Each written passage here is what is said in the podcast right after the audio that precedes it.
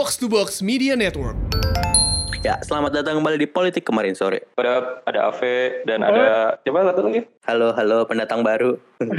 Silakan perkenalkan nama Anda. Ya, nama saya Tasya. Saya dari Bekasi. Mohon maaf, eh, jauh dari bumi. Mas Givaris nih semenjak dekat sama Pak eh, Renald Kasali jarang ngumpul sama kita-kita ya, Ve ya. Aduh, jangan dibawa dong. Ini Ave mana suaranya? Halo. Iya. Dengaran nggak? Kedengeran, kedengeran. Eh, BTW lo udah pada baca ini gak sih? Eh, sidang putusan apa vonis ya biasanya vonis buat kasus novel Baswedan Iya. Ya. Yang kata jaksanya ini kan eh, polisinya nggak sengaja nyiram nyiram novel Baswedan pakai air keras. Kacau banget. Gak gue bingung gitu penilaian gak sengaja itu dari mana ya? Kan berbahaya ya. Gue sebagai anak teknik kimia menolak apa namanya penilaian itu gitu. Gak gak make sense. gue gue kan baca beritanya ya Riz ya iya. nggak nggak nggak sengaja itu karena dia aiming ngenain badan tapi yang kena malah muka dibilang nggak sengaja Anjing, coba. Anjay. Tapi berarti sengaja dong dia mau ngincer, oh, ngincer badan. Gimana? dia ngincer badan Ya, atau berarti sengaja. Sama aja intensional dong kalau gitu. bagiannya. Gue gue bingung emang di undang-undang kita itu ada itu ya maksudnya ada kalau kena badan dua poin kena kepala tiga poin emang kayak gitu ya maksudnya gimana Ya sih Allah. Hidup lu kasih poin udah kayak game aja. Gak, nggak paham kan arahnya tuh ke mana gitu. Maksudnya kan dari dari statement itu eh, bisa digaris bawahi sengaja gitu. Bahkan maksudnya apalagi dia ngincernya badan. Berarti kan dia lebih apa ya, lebih bener-bener di, di apa ya, di set gitu, di target dari awal kan. Badan ya, kalau ya iya Riz maksudnya lo subuh-subuh keliaran bawa asam sulfat kalau nggak sengaja gimana Riz maksudnya Iya. gua aja, gua, gua aja ya diajarin di, di, di kampus. Lo kalau buat bawa asam yang uh, kandungannya tinggi dan Iya asam kuat boleh di luar ruang asam coy. Lu keluar dari ruang asam tuh ke bagian ba- mana lab, itu dimarahin. Dibawa keluar rumah, dikenain ke orang. Itu waduh double-double itu. Eh tapi btw ini update aja buat yang nggak tahu. Jadi tersangkanya itu eh terdakwa tersangka apa sih pelaku lah ya udah ya. Pelakunya itu ada divonis. dulu. Kan jadi saksi, jadi saksi kan biasanya saksi terduga dan Iya. sekarang udah divonis kan. Ya Tervonis berarti ya. ya kayaknya gue nggak pernah dengar tervonis dah tapi yang yang dijatuhkan vonis ini ya kepada dua orang. Dua-duanya itu anggota polisi aktif. Eh, dua-duanya dijatuhin hukuman setahun penjara. Ya, setahun men. Gila. Ahmad Dhani ngatain orang idiot aja satu setengah tahun. Dia pasti emosi gak sih? Maksudnya Ahmad Dhani tahu gini Eh. gue nyiram orang pakai asam sulfat. Daripada ngatain idiot gitu lebih keren gitu ya sedikit kelihatan gitu di, di media. Ya. Novel. Baswedan di di akun Twitternya bilang apa sidangnya emang cuma formalitas doang. Ya bener Karena setelah sidang ini Kan nggak mungkin mereka inisiatif kan Ve maksudnya Mereka maksudnya ya polisi Tapi apa sih hubungannya sama novel gitu Pasti ada dong di atasnya Tapi nggak ada yang nindak Iya. lanjutin Penyidikannya nggak sampai sejauh itu berarti. Penyidikannya cuma sampai siapa yang nyiram. Udah gitu doang. Iya Kayak kenapa dan segala macamnya. 5 w 1 h nya tuh nggak ada yang nggak ada yang di nggak ada yang kena cuman hu nya doang udah gitu. Tuh. Eh, Kalau pengen lebih kesal Kalian baca sendiri aja beritanya. Ya, Tapi gue yakin semuanya udah baca sih Dan kayaknya nggak nyampe 12 jam juga udah banyak yang bercandain. Terutama Ini nyari pelaku aja 2 tahun loh. Kalinya ketemu, Ketemu dihukumnya setahun aja. Iya. Gak, gak apa ya, gak berbanding lurus dengan usaha. Kalau cuman kayak gini doang kenapa nggak sebelum pil apa pilpres aja ya Nah, Wah lumayan kan- ya Jokowi ya jadi bahan. kan kan kena gitu political pointsnya gitu oh ini udah nih Iya. pilpres Iya udah sih. selesai Eh tapi udah, udah, jangan kepanjangan kita ngomongin ini. Kita punya topik sendiri nih minggu ini. iya iya iya Eh, kita mau ngomongin eh, penegakan hukum juga sebenarnya, tapi lebih ke arah eh, content moderation dan batasan free speech di media sosial. Ini itu kenapa kita ngangkat ini terkait sama kejadian di akhir Mei kalau nggak salah ya. Jadi Donald Iya. Trump itu nge-tweet ada beberapa tweetnya yang dianggap ofensif dan harmful. Eh, Twitter memberikan respon terhadap tweet itu, tapi media sosial yang lainnya enggak. Nah ini akan kita bahas. Jangan ke mana-mana, tetap di politik kemarin sore. kan keputusan MK tentang rumput eksekutif sudah dibahas. Ini bilang nggak ada naskah sekutu, eh, naskah ada nih, as- naskah ada, naskah ada, nggak ada. Yang bener aja, apa kita orang tolol semua? Yuk Riz, mulai. Kan lo yang biasanya membawa berita ke kami-kami Riz. Apa tuh? Jadi eh, kalau boleh diringkas sebenarnya yang Donald Trump tweet ini apa, menimbulkan reaksi apa, terus eh, respon yang beredar atau dasar masalahnya apa sih sebenarnya gitu. Oke, jadi be- eh, beberapa hari yang lalu, tepatnya 29 Mei, Twitter itu tiba-tiba menutup, menyembunyikan salah satunya eh, tweets dari Donald Trump, kayak gitu. Karena waktu itu jadi Donald Trump itu eh, mengeluarkan satu tweet untuk em, tentang pendapat dia soal serangan dan pembunuhan George George Floyd kayak gitu. Ini kan dari kasus Black Lives Matter yang kemarin lu berdua omongin kayak gitu. Nah, Ah, ah, ah. alasannya adalah Twitter bilang ini tweets ini glorify violence. Jadi menimbulkan bisa apa ya? Bisa menyebabkan dampak yang negatif lah untuk yang baca kayak gitu. Kalau bahasa Indonesianya mengundang ya Riz ya. mengundang Dapat mengundang. Iya, mengundang kekerasan. komen gitu kan. Dan ini akhirnya eh, timbul pertanyaan gitu karena ternyata gua gua nggak baca sih di Facebook itu ternyata perlakuannya berbeda. Mungkin nanti eh Ave mungkin tahu nggak Ave? Gua gua nggak baca sih kalau yang di Facebooknya. Kayak Eh, gitu. tweetnya apa dulu boy? Oh, tweetnya tadi pokoknya tentang uh, pembunuhan George Floyd. Dia bilang, "Aka- uh, I can stand back and watch this happen to uh, a great American city, Minneapolis. A total lack of uh, leadership dan bla bla bla bla. Pokoknya uh, dia mengomentari tentang uh, kasus itu kayak gitu. Di tweet keduanya ternyata tertutup nih gue juga nggak sempat ngelihat gitu. Dia ngomong apa tapi uh, bahasanya Twitter bilang ya tadi glorify uh, glorify violence gitu. Oh, oh, tweet yang dihapus itu yang itu yang terkenal. Uh, when the looting starts, the shooting starts. Kalau nggak salah. Ya Iya. sih? Aha. Iya, looting itu iya benar kayak kata Faris sih. Kalau udah mulai ngambil-ngambil, looting itu apa sih? Kayak ngerampas ya? Bahasa Indonesia ya. Iya penjarahan penjarahan. Iya, kalau Oh, penjarahannya oke. udah mulai, shootingnya mulai. Dan itu di Twitter menginterpretasikan itu tuh bisa menjadi provokasi kekerasan gitu. Ah iya itu. Karena Ya, karena iya ya, yang ngomong orang-orang Amerika kan punya punya senjata semua ya gitu. When the looting Ah, starts, shooting iya, starts itu, iya. when the looting starts, shooting starts itu kayak kayak ngadu ngadu dua kelompok masyarakat gitu loh, yang looting sama yang punya I senjata, see. yang bisnis dan segala Iya, macamnya. Nah itu Oh, makanya bukan- baru bukan cuma soal ini. doang. Iya, Bukan cuma soal polisi doang. polis doang. Ah, oh, terus Iya. eh, sebenarnya si Twitter yang dilakuin Twitter tuh apa sih, Fe? Maksudnya di dipagarin doang, di tweet eh, glorifying harm, violence, Violence. kalau bahasanya Hmm. tadi, atau cuma eh, tweetnya dihapus aja, atau cuma dikasih tanda gitu doang, di tweet glorifying violence.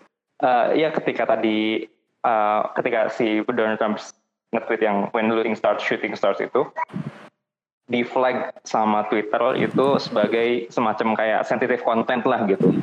Tapi flagnya itu bukan sensitive content tapi kayak eh, ini bisa jadi provoke dan bisa jadi glorifying violence dan semacam dikasih disclaimer gitu loh. Jadi nggak di, nggak dihapus semuanya, cuman dikasih disclaimer doang sebelum melihat ini ada disclaimer bahwa ini tuh bisa jadi pro apa provoking dan glorifying violence makanya ditandain Oh. lah gitu. Tapi nggak sepenuhnya dihapus karena tetap, bisa kelihatan. Emang eh, Nah, kita kalau lah Donald Trump.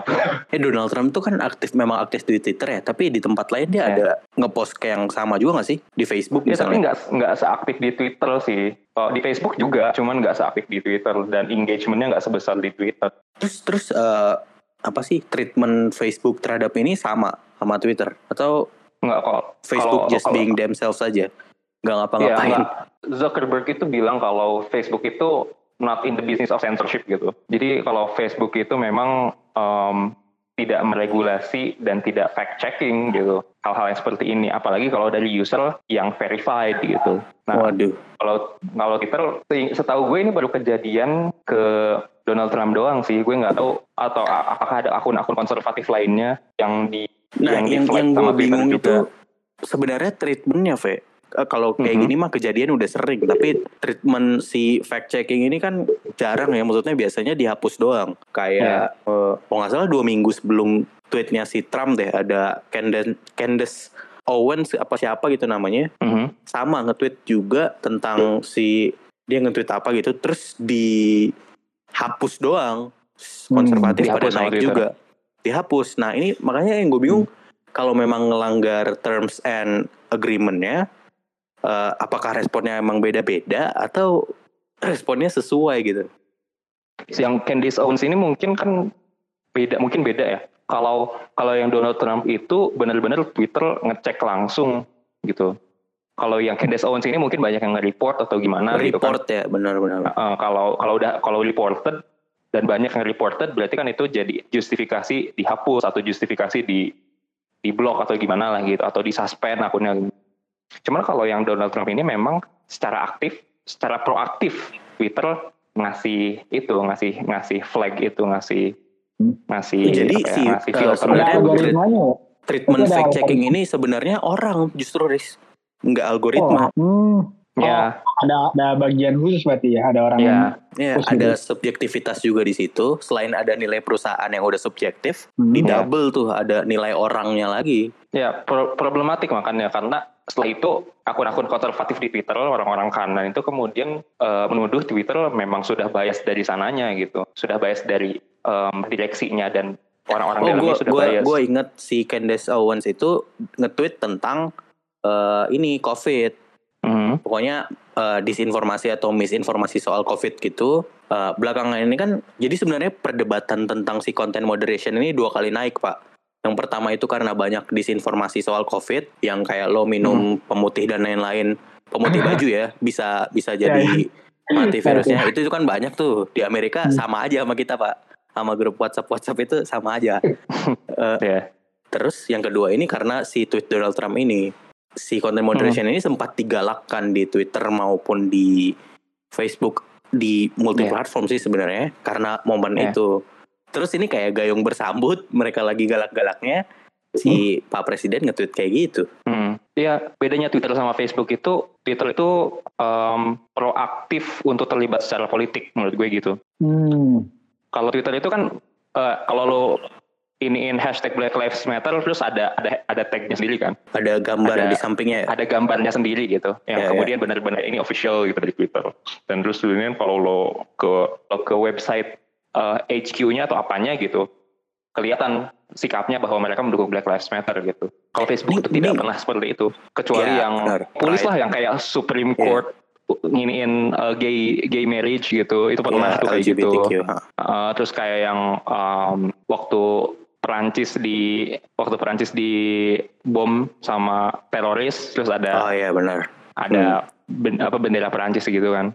Apa Nah, Facebook gestur-gesturnya gestur-gestur kayak gitu aja, tapi Ya. nggak pernah yang secara politikal banget gitu.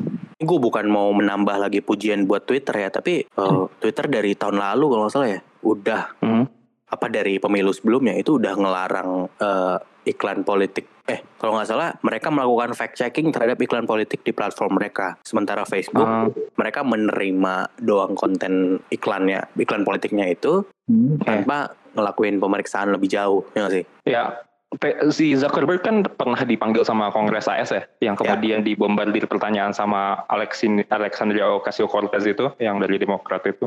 Ya, Nah, di dibombardir pertanyaan kalau kalau misalnya kalau misalnya Facebook em, ada political ads itu di fact checking dulu apa enggak? Kalau kemudian political ads-nya kalau political ads-nya udah udah udah disinformasi misinformasi terus kemudian agitasi juga gimana segala macamnya. Itu tuh em, tidak dijawab secara jelas sama Zuckerberg. Jadi memang policy Facebook itu sangat-sangat pasif terkait third party ads terkait em, hal-hal yang politikal kayak gitu. Facebook cenderung nggak sama sekali nggak ini sama sekali nggak nggak ngambil peran gitu beda sama Twitter karena kan sebenarnya batasan mereka dalam melakukan itu murni political correctness kan, Ve? Maksudnya secara hukum mereka nggak ngelanggar kan memang. oh enggak Iya, enggak. eh, si coba jelasin si apa tadi yang lo bilang deh section 230, 30, Apa? 20, 320, 230 230 230. Hmm. Jelasin si section 230 itu dong karena itu satu-satunya Oh. yang paling gede pengaruhnya ke sosial media platform ini kan. Iya, jadi memang eh, makanya setelah kasus apa ya kasusnya Trump ini kan yang naik itu adalah soal free speech di di, eh, di medsos kan kayak gitu. Memang Hmm. kalau kita lihat undang-undang ini sebenarnya udah udah cukup lama ternyata dari tahun 96 memang belum ada perubahan kayak gitu karena bisa dibilang kan uh, dunia medsos kita kan memang banyaknya bermula kan di Amerika gitu. Makanya mereka yang paling awal udah udah tahu nih harus membatasinya di mana kayak gitu. Karena memang sebelum-sebelumnya uh, banyak kasus yang sama kayak gini gitu sebelum ada tahun 96 itu. Cuman memang kan semakin berkembang akhirnya ternyata uh, si section 230 ini mulai-mulai banyak pertanyaan gitu. Nah, tapi apa sih yang yang dibahas gitu di section uh, 23 uh, 230 ini gitu? Itu adalah tentang bahwasanya uh, memang hal-hal yang bersifat violent, harassing gitu ya.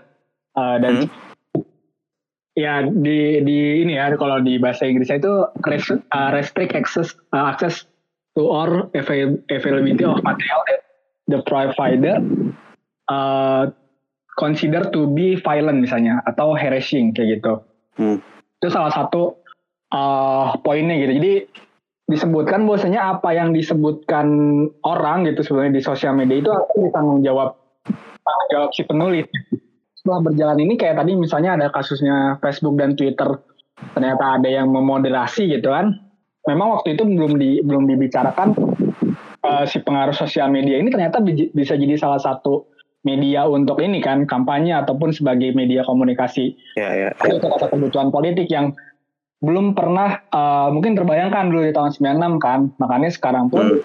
tentunya uh, apa ya udah masuk salah satu bahasan gitu di Kongresnya Amerika gitu. Salah satu senator namanya Josh Hawley bilang, eh bilang, dia udah udah coba mengajukan juga untuk adanya perubahan itu karena dia ngerasa perusahaan-perusahaan medsos ini uh, apa ya nggak apa ya hal ada beberapa yang hal-hal berbau politik itu nggak dibiarkan aja kan kayak Facebook ternyata dan sebagainya. Nah ini dia rasa perlu perlu untuk segera dibahas kayak gitu agar nggak nggak kejadian kayak uh, pilpres ataupun ya di perpolitikan di Amerika kayak gitu.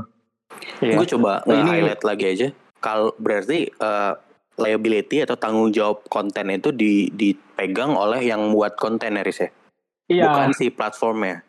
Iya, hmm. ini bahasanya comment section of my uh, on website are my comment gitu kan. Berarti kan oh. apa yang kita sebutkan ya itu ya punya kita kan kayak gitu. Hmm. Walaupun akhirnya kan kita nggak hmm. tahu pengembangan teknologi dan sebagainya dengan Zoom. Tapi tapi si platform itu berhak memoderasi dalam artian berhak me, menempelkan algoritma yang membuat konten kita bisa ditampilkan atau hmm. disembunyikan dari timeline tertentu kalau itu menyalahin term, terms and agreement mereka gitu. Nah, itu yang itu yang jadi kontroversi dan hmm. gimana tuh? Karena section ya, 230 itu karena section 230 itu benar-benar um, jadi section 230 itu sebenarnya basically me membedakan antara publishing company sama online company. Editorial edit ya, maksudnya kalau lo udah melakukan edit, editorial gitu ya, lo mau udah hmm. lo udah melakukan me, melakukan moderasi dalam tanda kutip, berarti lo udah bertanggung jawab sama kontennya. Sementara yang section 230 itu hmm. tidak membebani tanggung jawab itu ke online companies gitu. Oh. Ketika itu kan masih 1996 ya uh, yeah. memang belum ada sosial media, jadi memang termnya online company. Nah, kalau misalnya Twitter udah mulai moderasi, udah mulai melakukan editorial dalam tanda kutip, itu hmm. uh, bisa apa enggak gitu? Bisa apa enggak section 230 itu dipakai di sana? Dalam arti, oh. kalau Twitter udah kalau Twitter udah melakukan editorial, apakah mereka sudah online company gitu?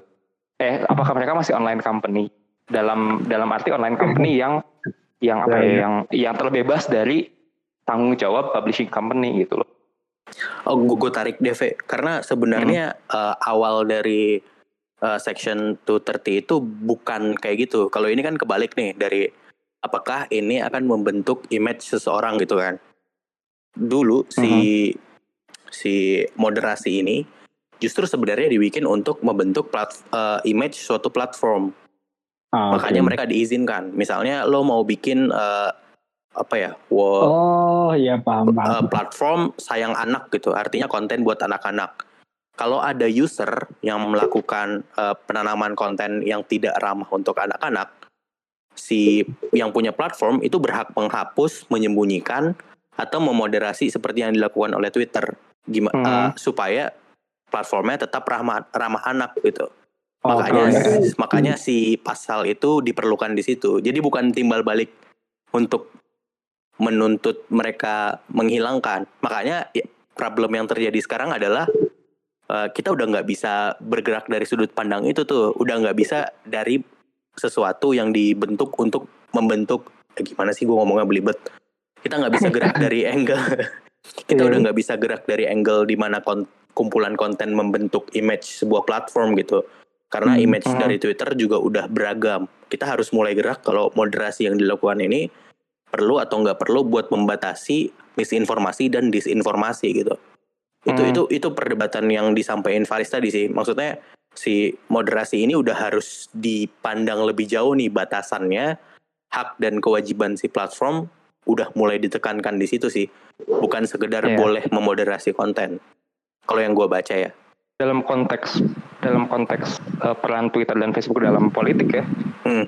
itu kan jadinya em, itu kan jadinya macam jadi gini bener-bener numpuk tuh problemnya udah ada Ya. echo chamber udah ada algoritma yang udah ada algoritma yang yang bikin lo nggak melihat sisi lain gitu udah udah sangat-sangat polarizing terus kalau di Facebook ditambah nggak ada fact checking di eh, political ads-nya gitu Ya. itu kan udah problematik banget gitu.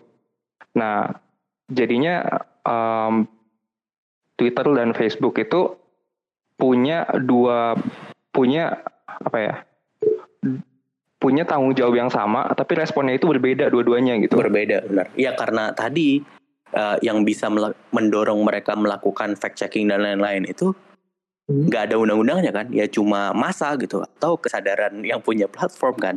Iya. Kalau Iya, kayak iya. Mark Zuckerberg, ya gimana? Mhm. Tweet- Twitter itu berarti eh, bisa dibilang dia apa ya tahu ya soal maksudnya menjalankan yang sebenarnya amanat secara tidak langsung dari eh, section 230 ini nggak sih maksudnya kalau yang gua tangkap dan lu gambarkan gitu berarti dia dia eh, apa ya udah berusaha untuk ini kan eh, yang memilah-milah lah informasi yang beredar di platformnya gitu Eh, si Section 230 itu cuma eh, membahas hubungan antara yang punya platform dan konten yang di dalamnya. Artinya nggak Hmm. bisa menghukum yang punya platform. Sisanya kalau ada masalah dengan eh, konten Hmm, itu yang dihukum si Orangnya. usernya. Hmm, oke. Tapi kalau tapi yang kita lagi omongin ini adalah gimana caranya si Facebook dan Twitter ini juga bisa dihukum kalau mereka terbukti teledor dalam membiarkan konten-konten ini ada kan gitu. hmm. Mhm. Karena kan sejauh ini mereka nggak punya dorongan turis yang membuat Iya. mereka harus sebut Iya, iya. tadi gue baca tuh jadi ada orang yang sensor gitu kan pak mereka itu Hmm. outsourcing gitu juga buat milih-milihin konten yang eh, dianggap berbahaya itu ada 750 ribu apa 75 ribu gue lupa ya tapi Hmm. skalanya segitu dibandingkan sama pengguna Facebook yang sampai 1,9 miliar gitu Oke. Kan- Kalau gua melihatnya gini sih, maksudnya eh, orang ketika ber- berbuat sesuatu dan ada yang ada apa ya, ada orang yang terlibat di dalamnya ya harusnya sebagai apa ya, inisiator tuh harusnya tanggung jawab sih. Itu sesederhana itu sih. Makanya sebenarnya dorongan untuk eh, adanya pembaharuan ya ya. dari pa- apa ya undang-undang ini gitu ataupun dan harus dibuat yang baru itu harus sih karena jadinya eh, apa ya harusnya yang yang yang harus dilihat bukan hanya orangnya gitu tapi yang memulainya gitu yang bisa jadi filternya gitu karena kalau Twitter ya nggak akan ada nih eh, hal-hal eh, apa maksudnya serangan ataupun mobilisasi massa provokasi massa lewat Iya. platform gitu jadi gua kom itu ya perlu juga untuk tanggung jawab gitu dan pemerintah di sini posisinya gitu ataupun di legislatifnya emang perlu coba menekan sih Nah, kayak gitu. gue justru Iya. nangkep ada dilema di situ sih sebenarnya Iya. Dile- dilemanya adalah buat orang-orang yang skeptis ke pemerintah gitu ya. Justru justru nanti malah undang-undangnya itu bakalan di bakalan disusupi pasal-pasal yang tidak demokratis justru. Iya, Iya. ya ya. Kan dan dan ada Ya. ada ini sih jadi di di tahun gue lupa tapi Zuckerberg setelah Cambridge Analytica itu dia Hmm. sempat keceplosan gue nggak tahu ini direncanakan apa enggak ya dia sempat malah merencanakan bikin Supreme Court buat nentuin mana yang layak dan mana yang tidak layak untuk tampil di Facebook jadi Facebook Hmm. mendirikan lembaga sendiri buat nyet- censorship kontennya Iya. terus kan kita yang selama ini ngelihat Facebook dapat duit dari konten-konten yang kayak gitu karena kalau boleh jujur konten-konten yang kayak gitu mendatangkan lebih banyak engagement kan?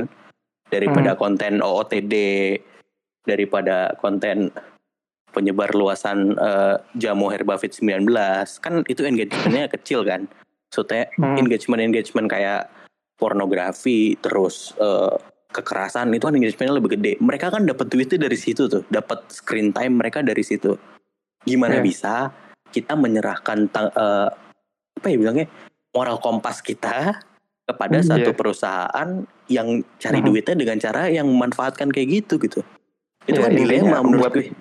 buat mereka meregulasi itu tuh nggak ada insentif buat mereka sebenarnya. Justru mereka malah malah malah kehilangan duit dari situ gitu kalau diregulasi Iya makanya makanya karena mereka kehilangan duit jadi kita nggak bisa percaya niatnya baik dong Fe. iya Lo nggak bisa nggak bisa dong. Nggak semua orang Sandiaga Uno Fe datang ke ini buat ngabur-ngaburin duit doang kan nggak gitu dong. Ikut tapi- sebuah proses buat bakar duit tuh nggak semua orang mau Fe. Iya. ini Facebook ngajuin diri kayak gini kan berarti mereka pengen sebuah kendali yang lebih besar kan. Sama kayak Pak Novel tadi misalnya ini ya lihat ya udah ada yang dihukum ya di belakangnya ada yang jalan gitu. Gimana jadi ya? ba- jadi balik ke pertanyaan dasar sih menurut gua. Menurut kalian perlu nggak ada si konten moderasi ini? Terus kalau memang ada yang boleh dibatasi siapa aja? Karena sebenarnya udah jelas tanggung jawabnya eh, udah jelas secara matematis nggak mungkin buat ngawasin konten semua orang kan? Iya, cara angkanya Eh, jauh banget tadi kalau dilihat di Indonesia yang udah dilakukan tuh kan ada masyarakat anti hoax ya. Tau nggak sih lo? Ada Oh, akun-akun see. masyarakat Iya, anti hoax kayak gitu kan. Harus ada badan independen yang non profit. Tapi gue nggak tahu apakah harus di bawah pemerintah atau enggak ya. Tapi kan sekarang kan yang yang badan anti yang yang apa Mafindo kalau nggak salah masyarakat Oh, ada anti ini juga ada klik unbait eh ah klik unbait uh, Gitu. yang gitu-gitu ya kayak gitu yang kayak gitu kayak gitu kan sebenarnya respon terhadap eh, terhadap problematika yang ada di sosmed kan? Gue yakin kayak gitu gue gue yakin kayak gitu juga ada di Amerika Serikat gitu. Nah menurut gue em, mungkin solusinya bisa memperkuat itu. Nggak perlu kemudian secara secara se- secara di, oleh undang-undang diatur gitu ya. Karena kan sosial media kan private company dan itu bisa berubah segimana kita nggak tahu gitu. Artinya perubahannya bahkan bisa jauh lebih cepat saat undang-undangnya Iya, disahkan ya. Eh, Ya, itu kan problematik jadinya cuman kayak me- mengesahkan undang-undang spesifik untuk Facebook, spesifik untuk Twitter gitu kan itu kan nggak nggak nggak produktif menurut gue, nggak nggak relevan dan nggak nggak timeless juga gitu. Siapa tahu Facebook besok kolaps gitu kan kan kita nggak tahu. nih, sia-sia ya. Udah belajar undang-undang dua setengah tahun ya, Fe. Iya, Besoknya Facebook tutup ya. Ganti nama. iya. Jadi babe baca berita. Iya. Babe. Babe dong. Lo gimana, Tapi Riz? kebayang nggak sih lo? Kebayang nggak sih lo kalau misalkan Twitter melakukan itu ke Jokowi gitu? Eh ya yang kemarin itu bukan bukan mudik tapi pulang kampung terus kayak eh, apa Fact check ada, gitu ya? ada ada fact checknya mudik dan pulang kampung sama aja gitu. Kalau ini kan ada extension fact check tuh di bawahnya. Kalau itu ada extension KBBI ya. lucu, lucu, lucu. Boleh, boleh. Lo gimana, Riz? gue gue juga setuju sih sama Ape sih. Maksudnya dia emang adanya badan independen itu akan sangat perlu sih karena pemerintah pun kita nggak pernah tahu ya itu omongannya benar atau enggak ataupun dia bisa memicu yang lain juga kita nggak bisa uh, percaya. Kalau gue lebih gue lebih concernnya ke masalah ini sih. Ini kan yang kita tweet itu ataupun yang kita posting itu kan data. Nah ke depan emang perlu orang yang punya uh, tweet itu tahu itu data dia gitu. Nggak ada perubahan dan sebagainya. Itu sih lebih, lebih pertama itu dulu sih. Kalau misalnya Hmm. uh, tiba-tiba langsung nutup dan sebagainya itu harus uh, nggak bisa asal sih gitu karena kan ta- ya di satu sisi udah buka jalan lu jangan langsung membuat apa ya orang udah lu udah buka jalan buat orang lain tapi baru baru uh, baru ya, ditutup karena uh, apa ya kadang-kadang kan suka ada bias gitu ya kalau Ya. platform itu kan udah sering kejadian ada bias kayak gitu. Jadi uh, memang lebih baik si moderasi itu gitu ya atau bukan atau bukan moderasi sih, lebih ke pengawasan gitu ya. Uh, orang ketika ngeposting sesuatu di media sosial itu dibebankannya ke badan independen sih kayak gitu. Yeah. Itu sih intinya dan akan lebih baik ketika semuanya bisa saling duduk duduk bareng-bareng sih perusahaan, badan independennya, uh, pemerintah. Ke depan memang bukan diatur ke apa ya mungkin menyamakan persepsi sih.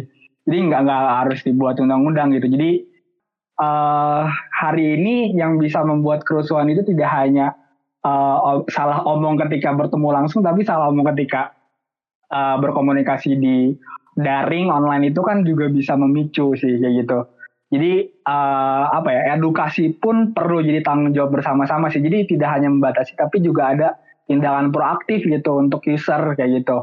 Itu sih gue concern juga ke sana sih kayak gitu. Hmm, hmm, hmm. Oke oke. Kalau kalau gue izin berdiri di sisi yang berbeda nih ya kawan-kawan ya. hmm. uh, menurut gue ini gue kayak mandang situasinya udah kayak rumah kebakaran aja sih. Gue nggak bisa bergantung sama yang punya selang doang gitu. Gue harus nyari ember, harus nyari karung basah.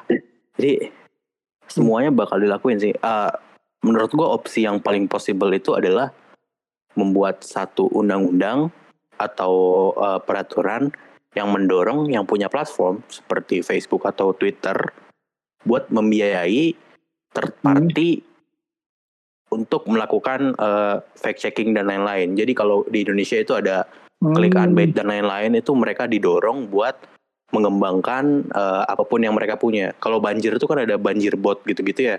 Di Indonesia hmm. juga ada udah ada yang kayak gitu-gitu tapi ya, buat benar. fact checking gitu.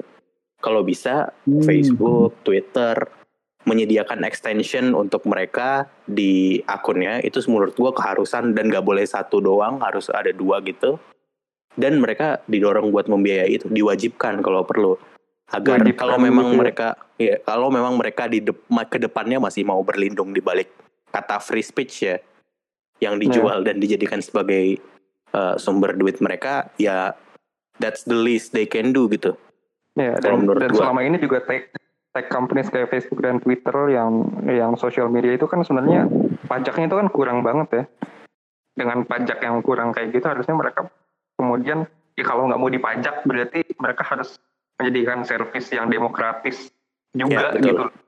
Ya, bener sih menurut gue. Gue gue gue agak-agak setuju juga soal setuju juga soal itu. Itu nah, dan ya. itu tuh jadi kayak gue liatnya kayak apa ya istilahnya platform mau masuk satu negara gitu ya.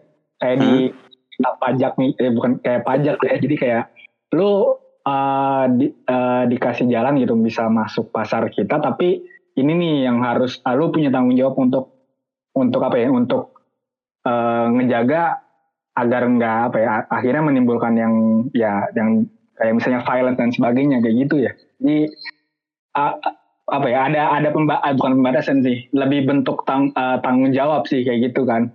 Ya menarik tapi sih. sebenarnya tapi sebenarnya kita juga harus ngomong sama yang ngerti sih Riz. karena gue masih nggak nggak punya apa yang membuat mereka mau nurutin ini ya gitu? Maksudnya ya, itu dia yang yang harus harus apa ya harus punya ya, harus. Hmm. power kuat sih. Gua gua ngeliatnya gini sih dari uh, dari yang gue baca gitu ini kan Facebook bisa dibilang uh, salah satu apa ya salah satu perusahaan besar hari ini gitu. Hmm. juga masuk. Ya Facebook dan Google lah dua penguasa. G mafia lah kan ya kan the big nine kalau kalau dari buku yang gue baca. Memang concern concernnya itu kan uh, soal data kan dan sebagainya juga itu perlu perlu apa ya perlu di ini sih harus diatur sih. Mungkin dari, dari situ bisa jadi kekuatan negara sih.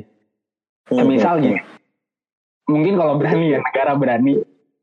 Server servernya akun-akun medsos orang Indonesia nggak boleh juga misalnya. Kalau berani kayak gitu tuh. Kalau berani misalnya ataupun kalau misalnya si si apa ya platform dari luar uh, apa namanya nggak mau mengikuti ya bisa jadi negara mendorong mendorong untuk warganya menggunakan uh, aplikasi yang ada di, di apa di negara yang bisa kayak Cina kan itu yeah. lumayan Weibo Oh, I see, Pat. Uh, kalau misalnya bisa bareng sama ini lain, memungkinkan sih, Riz. Kayak bareng Hmm. European Union, uh, bareng ASEAN, terus Hmm. bareng uh, ya bareng-bareng yang uh, union-union gitu, kayaknya lebih mungkin uh, Iya. di dilakukan deh. Ya itu Untuk- kalau untuk untuk ini kan- maksudnya untuk untuk ngasih enforcement ke sosial media Iya, itu. uh, iya. Tapi kan di ASEAN aja values-nya udah beda-beda banget. Iya, yang betul. satu masih junta militer, yang satu demokratis, yang satu masih dictatorship kan. Nggak Iya. ada yang tahu value-nya gimana gitu. Tapi Kalau sekali mereka ngerti ASEAN betapa Facebook bisa mempengaruhi pilihan politik orang, menurut gua semuanya akan on the table sih, we, hands-nya. Iya. Menurut gue Iya, ya. Iya, tapi value-nya akan sama atau enggak kan kita nggak tahu. Ya, nah itu value-nya yang harus dibeda-bedain ke tiap negara. Tapi kan Iya. setidaknya uh, they're putting their hands together buat mendorong Facebook mendanai ini gitu. Uh, gue kira gue kira ketika tadi Faris bilang soal iya mungkin harus pakai teknologi negara sendiri gue kira apa kayak nanti diskusi politik Indonesia harus di kaskus doang gitu harus pakai bikin dalam negeri ya. nggak boleh Nggak. pakai Twitter Facebook itu cuma kaskus doang gitu Bukan, maksudnya kok kan kalau berani, jadi apa ya nyari nyari bargainingnya tuh di mana gitu, gue mikirnya gitu. Sebenarnya salah juga sih Riz ya. Maksudnya kita nggak ngembangin kaskus sehingga kita nggak punya nggak punya bargaining power buat ngancam mereka kalau kita mau ngedepak mereka juga gitu kan. Iya, maksudnya Iya. kalau kita lihat Cina kan dia berani banget kan, kayak lu media komunikasinya WeChat gitu kan, mau belanja ke sini gitu kan, itu dorongan pemerintahnya kan sangat sangat kuat kan kayak gitu. Cuman ya tadi balik lagi ke value kan, nggak semuanya bisa kita benchmark dan kita terapkan juga kayak gitu. Ya Hanya- betul.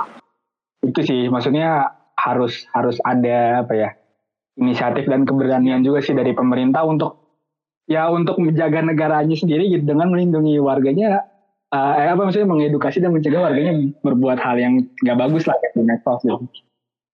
iya Iya, Meskipun uh, dan dan Iya. dan menurut gue em, kalau misalkan kayak Twitter Twitter itu kan sekarang udah udah dituduh sama orang-orang konservatif itu dituduh Twitter itu leaningnya leaning ke liberal dan kiri gitu ya itu Oh, mana sebenarnya iya dan- sih.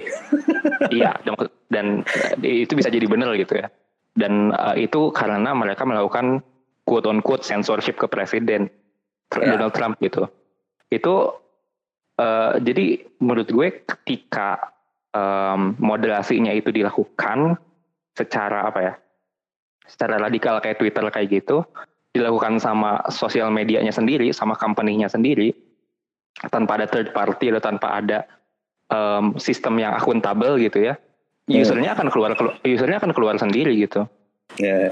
ya nanti akun-akun Twitter konservatif bakalan pindah semua ke Facebook terus ya makin tidak publik lah gitu Makin tidak Ininya. makin echo chamber ya, Fe. makin echo chamber gitu dan itu Iya. makin makin parah gitu. Iya, betul betul.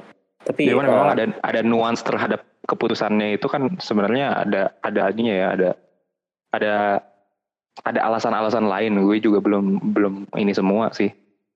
Iya. Belum kita bisa kita belum bisa ngebahas semua alasan keputusan itu sih menurut gue. uh, mungkin kali ini ini diskusinya sudah jelas tidak selesai. Tapi mungkin akan kita cukupkan sampai di sini karena kalau makin dipanjangin makin banyak yang ngaco omongan kita tentunya. mungkin nanti kita coba reach out ke Mas Damar kali ya atau siapa gitu dosen eh, teknologi komunikasi apa sih jurusannya itu. Makasih Faris, makasih Untuk konteks ke Indonesiaan mungkin kita harus bareng apa iniin sama orang lain kali ya. Ya, Ya, harus sama ahlinya. Oh iya kita belum nyinggung ini juga tadi belum nyinggung undang-undang ITE di Indonesia. Iya, nggak maksud gue justru maksud gue justru apa kalau kita udah ngomongin soal konteks apa itu di Indonesia kayaknya memang walaupun kita kita lihat kita ngerasain itu sendiri, justru kita harus lebih hati-hati ngomongin soal itu nggak sih menurut gue? Oh iya iya iya iya betul betul betul. Thank you Faris, thank you Ave, I had a great time. bro. Thank you. Sering-sering. Riz. Kita. Ah, terima kasih yang udah mendengarkan. Eh tutup Apaan? dong Riz. Kan lama udah nggak lo yang nutup Riz. Oh, Sekali-kali iya. Riz, sekalian promo sosmed. Ya, terima kasih teman-teman pendengar politik kemarin sore. Semoga uh, betah dengerin kita berempat gitu. Silakan kalau ada komen-komen dan sebagainya, saran dan sebagainya, mungkin mau terlibat juga dalam rekaman kita, boleh banget. Kayak gitu. Dan teman-teman bisa kontak kita di medsos kita di at uh, kalau kataku underscore kataku kalau di Twitter ya. Di Instagram at kalau kataku.